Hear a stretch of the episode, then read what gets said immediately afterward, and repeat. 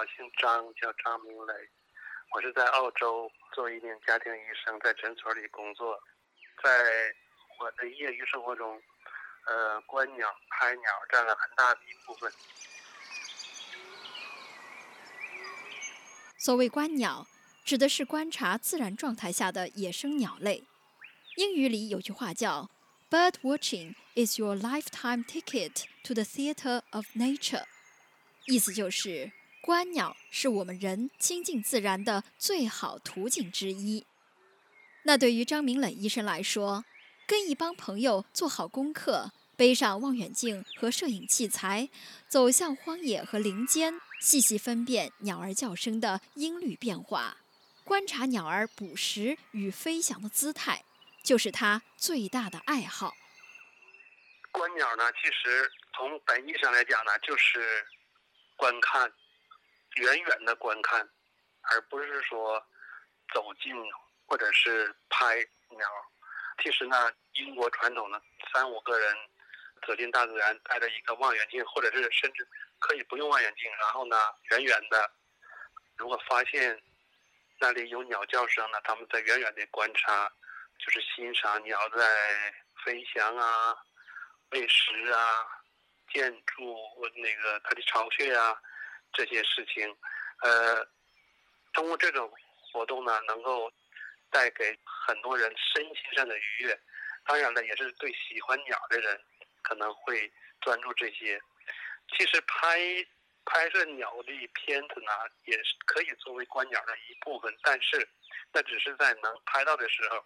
大部分时间我们都是在观看，而是拍不到鸟的片子，因为拍好的鸟片需要很多因素，比如说光线，比如说距离，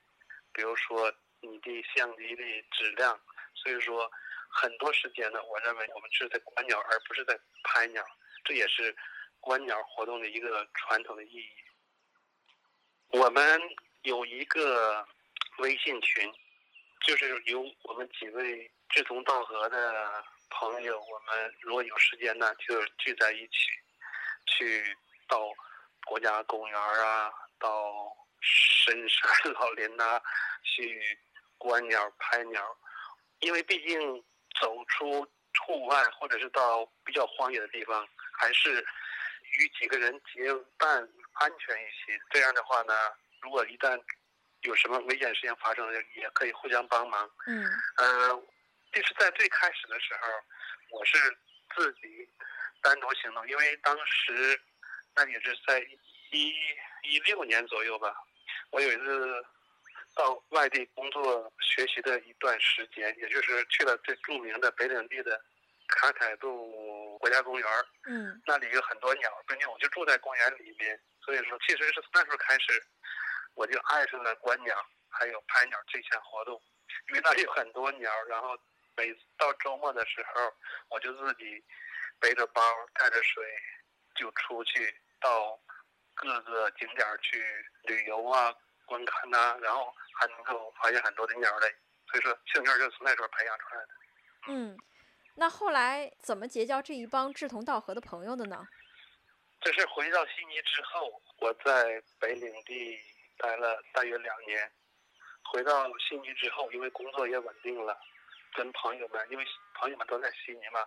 接触的时间就长了，所以说就定期，比如说每周周末的时候，组织几个人或者是一个小团队，然后到各个地方去观鸟，比如说到。呃，国家森林公园或者是国家植物园这些地方，我们大家一起聚会，然后一起观鸟的，一起讨论，并且学习一些鸟的知识啊。所以说，慢慢的这个组织就越来越壮大。现在呢，我们这个群大约有十五个人左右吧，因为我们不想把这个组织扩得太大，这样的话不便于管理。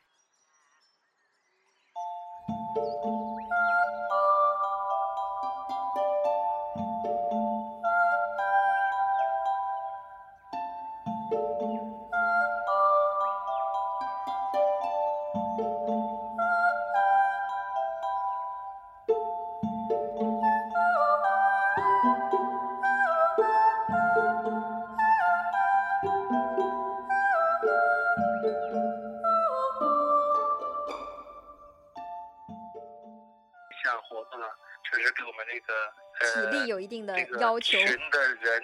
对带来了很多好的地方，比如说身心得到愉悦，然后身体也得到了锻炼。嗯通过走进大自然，我们可以了解到澳洲的各项种植物的特点，还有四季的变化，还有风土人情，还有人文。因为你要到各地，就要跟当地人去接触，所以说对这些更深入的了解澳洲的文化，尤其是澳洲的多元文化，其实是一个非常重要的一个项目。就是说，通过跟志同道合的西人朋友们接触，也从他们那里学到了很多知识。嗯呃，这样的话也对我们这个整个团体食鸟、认鸟，还有保护鸟类这方面的认识也有很大的提高。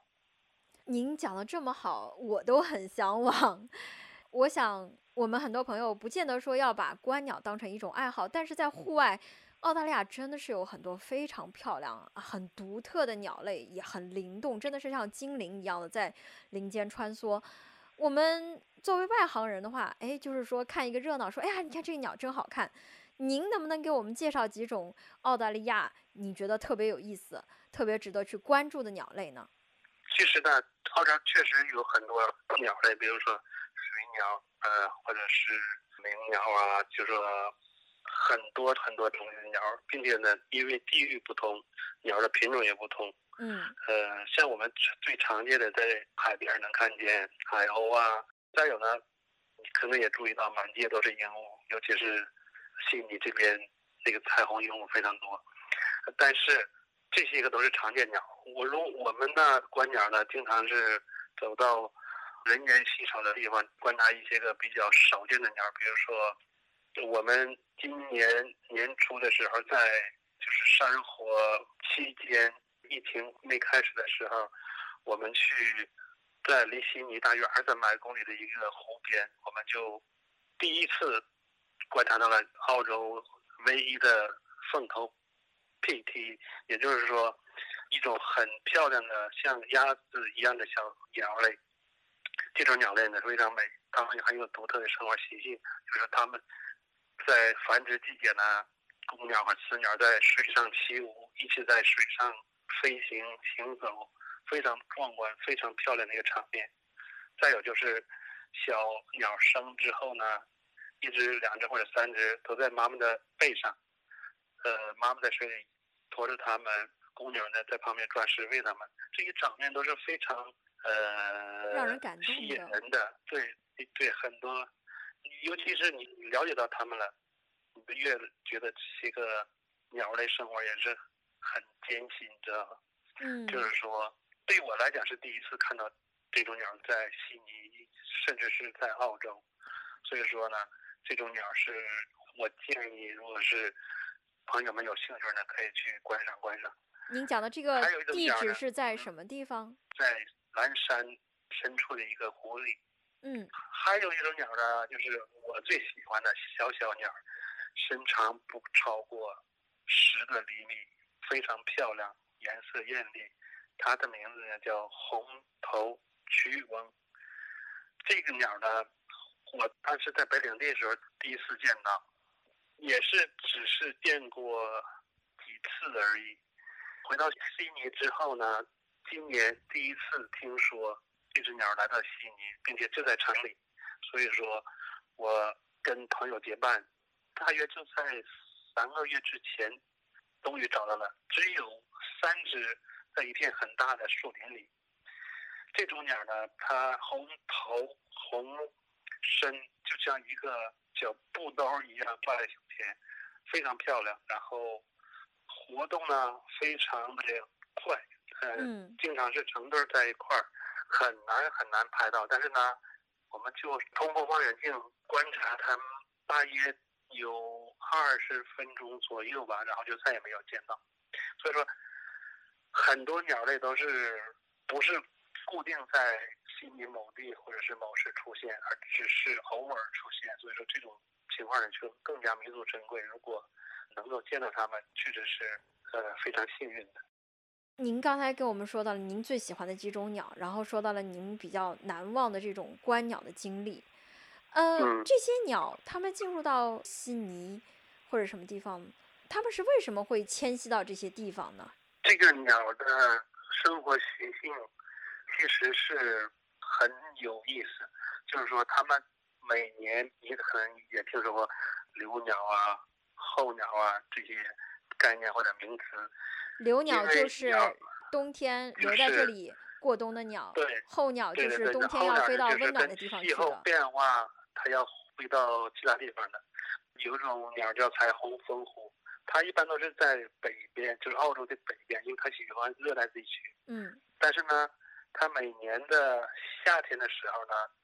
它就来到悉尼。至于具体什么原因，这都是几百年、上亿年形成的，就这个习性。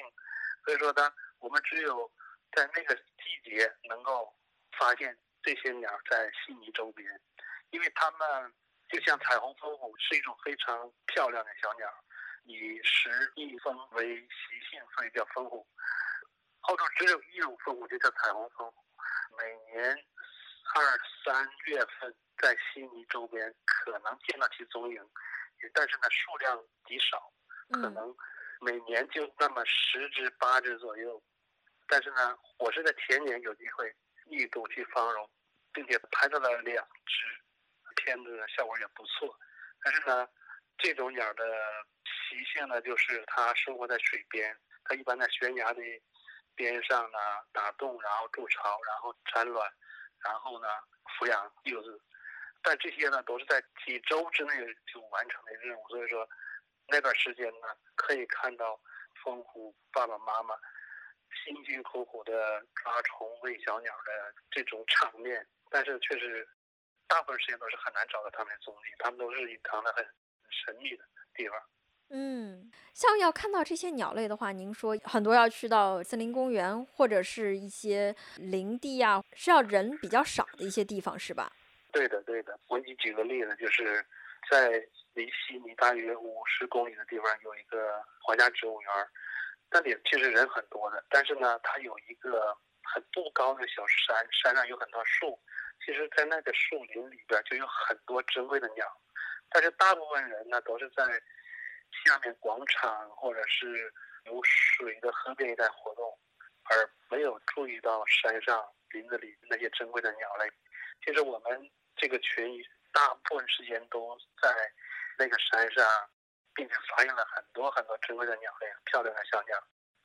它们呢，鸟类的往往就是远离人群，我认为是最主要的。他们的选择就是说，他们不会跟人挨得很近的。但是有的时候呢，人类呢，通过个人的行为啊、活动啊，往往会影响到鸟类的生存。比如说刚才我说的，如果说人类跟鸟距离太近，鸟觉得不安全，它们可能要离开这个地方，到别地去找个更安全的地方，甚至有的时候弃巢，就是说孩子都不要了，然后就飞到其他的地方。其实这种人类行为对鸟造成的损害是非常大的。您有见过或者是有听到说有鸟因为我们人类活动，从此就不在这个地方出现了吗？这种情况是非常非常多见的，有很多鸟哈、就是说在悉尼绝迹了，都是因为跟人类活动有关系的。原来十几年前很多的，或者是经常能看到的，但是呢，通过人开发、居民增加，然后很多鸟就基本上现在就看不到了，这是非常可惜的一点。所以说，人类的行为对大自然影响是非常巨大的。就像我们观鸟，我们绝对是主张文明观鸟，也就嗯是说，尽量远离鸟类，甚至我们穿的衣物、背的包的颜色都要跟大自然相符，而不应该有那种刺激的颜色，因为鸟对颜色是非常敏感的。他们如果说觉得是危险的话，就很可能就是要离开这里。还有呢，就是说，我们绝不去投食喂鸟，或者是因为想拍一张好的鸟片儿而去投食，我们管叫诱拍吧，就是说你给它投食，然后鸟过来吃食，这样的话呢，你可能会有近距离接触的，但是这种行为是绝对我们是禁止这种行为的。为什么呢？因为这些行为破坏了大自然的规律。因为你给野鸟喂食，你要是经常喂、经常喂，那个鸟它就自己的习惯就要改变，它就会不去找食，而它等着你在喂食。这样它对整个它的种族繁衍或者是生活都是有毁灭性的打击。所以说，这就是大自然界的一个，就是我们共同遵守的法则：不要去偷食喂野鸟。呃，还有呢，就是说要远离他们居住的地方，这样的话，我们才够不惊扰到他们，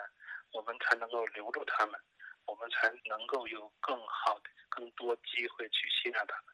您刚刚讲到了诱拍，其实在中国，我们还听说过有一些就是专门把野生鸟类放到专门的摄影棚里面去拍，这件事情您怎么看呢？这种情况呢，你说这种情况确实是有，我我也听说过很多。虽然我对国内的情况不是很了解，但是通过在网上或者是微信群里其他舍友或者鸟友交流，了解到一些这方面的情况。其实你说这种情况在国内还是很盛行，尤其是近几年，因为摄影花样又多了起来，然后呢，很多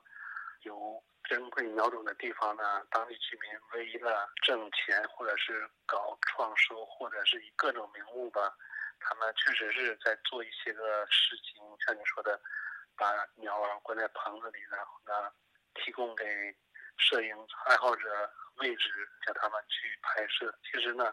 诱拍、棚拍，这些都是我们坚决反对的，因为这个棚拍呢，他们是以。盈利为主，但咱们根本就没有考虑到鸟的感受。棚拍，他们可以把三亚的、云南的鸟运到东北，然后在东北建个棚子给拍着。所以这种情况违反了大自然的规律，这是第一。第二呢，他们在运输鸟的过程中呢，有大量的鸟死亡。你如果你在棚里看到一只鸟，其实后面已经有十只甚至二十只已经在路上死掉了。所以说，这是对大自然一个很大的摧残，对鸟类一个非常不公正的待遇。所以说，我们坚决反对棚拍，就是杜绝人们为了利益而去做一些破坏大自然的事情。呃，我们在澳洲这边呢，从来没听说过有棚拍啊、诱拍啊，我们都是在野外，我们叫野拍，那就是纯野拍。就是说，在野外看见鸟了，然后拍下来，或者是观鸟的同时呢，发现可以拍，我们就拍了一下。但是呢，我们今天不再讨论这个拍鸟，我们在讨论观鸟。其实，观鸟是我们更主张的，而不是说通过各种手段去拍一些好的鸟片，这不是我们追求的目的。诚然，从对鸟追着杀到追着拍。从把鸟关进笼子到学会远观，我们文明程度的提高已经不是一点半点。但这里值得一提的是，现代观鸟之父，一位英格兰乡村牧师吉尔伯特·怀特对于鸟的态度。早在18世纪，怀特就超越了同时代人收集鸟语、鸟蛋和标本的狭隘兴趣。他对于家乡的地貌、物候，尤其是鸟类，进行了细致的观察和记录，津津有味地跟朋友和更广泛的人去分享。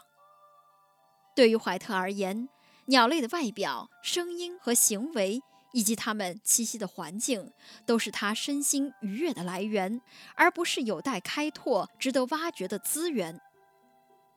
这种不带功利、重视精神享受而不是物质利益的态度，引起了一代代人的共鸣，也使得观鸟逐渐成为一项全球性的消遣活动。其实，纯粹的观鸟既解放鸟类，也解放了平时疲于奔忙的人类本身。在经历本次新冠疫情、经历过严格的封锁措施之后。我们应该都更加懂得自由的宝贵。希望我们都能够学会珍惜每一次跟鸟类不期而遇的美好记忆，也愿大自然中每一个生命在往后的日子里都能从容地享受每一个时节的物换星移。